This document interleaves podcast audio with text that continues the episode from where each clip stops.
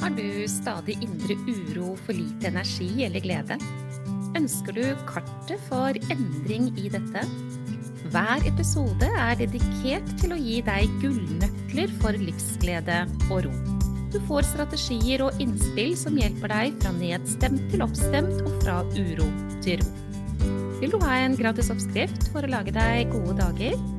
Gå til www.gayabalanse.no for din herlige morgenrutine. I denne episoden vil jeg snakke om hva som skjer med oss dersom vi som barn, unge, ble møtt med det å ikke tillate gråt. Ikke gråt, du som er en så stor jente. Nå holder det. Nå har du grått lenge nok, vet du. Du trenger ikke å gråte mer nå. Eller store gutter, de gråter ikke. Huff da, gråter du nå, ja, men la meg blåse på da, så du slipper å gråte mer. Og nå kan du slutte å gråte. Kjenner du deg igjen i dette? Jeg møter mange som gjør det, og jeg håper at du vil henge med meg gjennom denne episoden. For eh, jeg skal snakke om noe som er av betydning, hvordan dette kan få for slags følger for et menneske. Og det i form av stress, som igjen blir til uhelse, for sånn er det.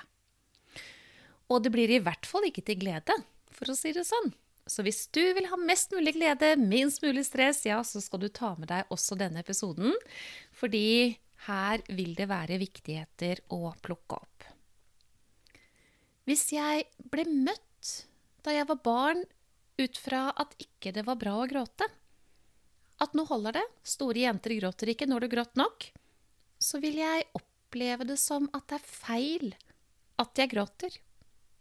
At når jeg gråter, så gjør jeg noe som de andre reagerer på. De blir urolige, og jeg blir korrigert som om det er feil å gråte.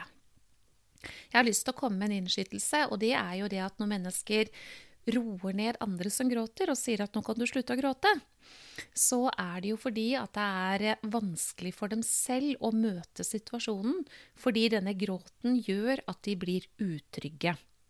Så det er utryggheten i mennesket selv som gjør at uh, man finner på disse tingene, da, som å hysje ned, og nå holder det, og nå får du ta deg sammen, og du kan ikke gråte mer nå.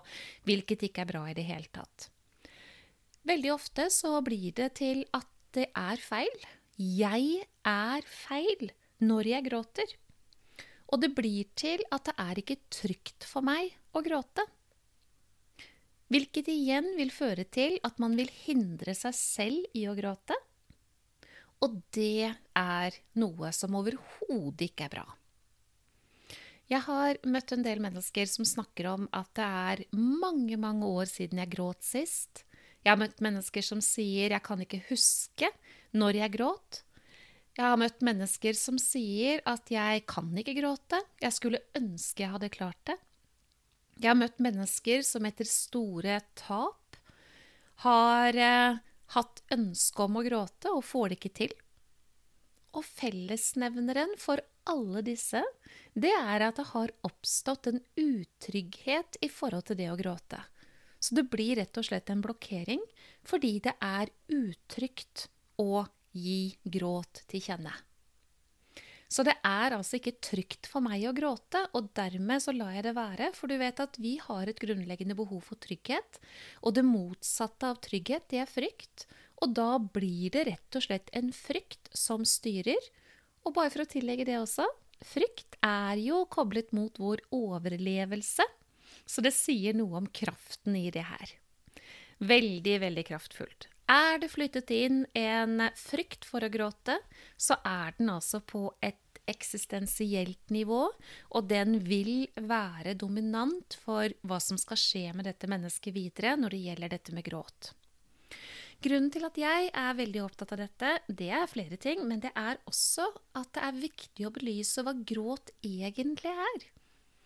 Når barnet gråter, så er det jo altså det lille barnet, spedbarnet, babyen, da er det for å få dekket behov.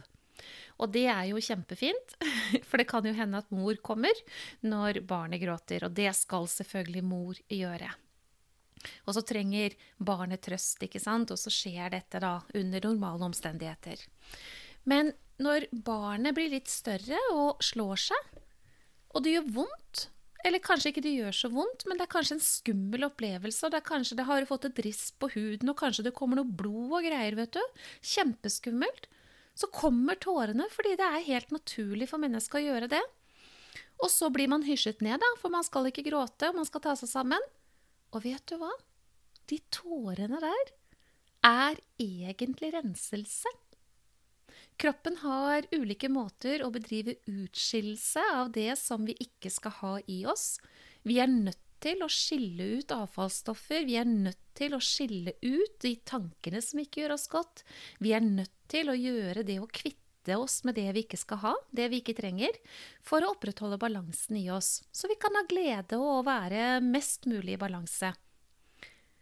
Gråt er en av disse metodene som kroppen har for å rense. Så hva skjer da med mennesker som ikke gråter, fordi det er ikke trygt for dem å gråte? De har sluttet å gråte, de har lært seg til at det er utrygt å gråte. Ja, de går jo da glipp av en veldig, veldig nyttig, og kanskje også en helt nødvendig renselse. Så hva skjer da om vi egentlig ikke tillater oss å gråte når vi egentlig har behov for å gråte? Vi får ikke denne renselsen. Og vi får da det motsatte av å rense ut, ja, det er opphopning. Opphopning er ikke et godt ord, er det vel? Opphopning av det vi ikke trenger. Opphopning av det som ikke gjør oss godt. Opphopning av avfall. Ja, det går heller ikke upåaktet hen i kroppen. Overhodet ikke. Hvis du er i nærheten av et stillestående vann, vil du velge å drikke av det? Svaret på det er nei. Du vil ikke velge å drikke av det, vil du vel? Nei. Du gjør ikke det, for du vet at når det vannet er stillestående, så er det opphopning av avfallsstoffer der. Og vet du hva? Det samme gjelder for deg. Det blir opphopning i deg, og hva er det som hoper seg opp? Jo, det er jo det som du skulle ha kvittet deg med, det vil jo si avfall. Og nå vet vi at f.eks. betennelser, ja, det er opphopning av avfall. Og det er ikke så rart at det skjer. Jeg er feil om jeg gråter. Jeg har ikke lov til å gråte, hvilket betyr at jeg bekrefter ikke mine egne behov. Jeg har altså et behov for å gråte, men jeg tillater ikke at det skal skje. Jeg tar ikke meg selv på alvor. Det går utover selvfølelsen til mennesket. Jeg er feil om jeg gråter. Hva sier det om det å stå trygt i seg selv og ha 100% verdi og være god nok? Det går ikke, det. Så dette med å ikke gråte når man egentlig trenger det fordi det er lært at det skal man ikke gjøre, det går også utover selvfølelse, da. Ja. Ganske så lite kontakt med dette, tror jeg, de fleste mennesker. Men uh, det er absolutt en sannhet. Hvis jeg har installert at det er ikke trygt for meg å gråte, så vil jeg også være redd for å begynne å gråte. Tenk om jeg begynner å gråte? Det må bare ikke skje. Nå kjenner jeg at jeg holder på å begynne å gråte. Nei, nei, nei, nei, nei, dette er ikke bra. Stress, stress, stress. Ja.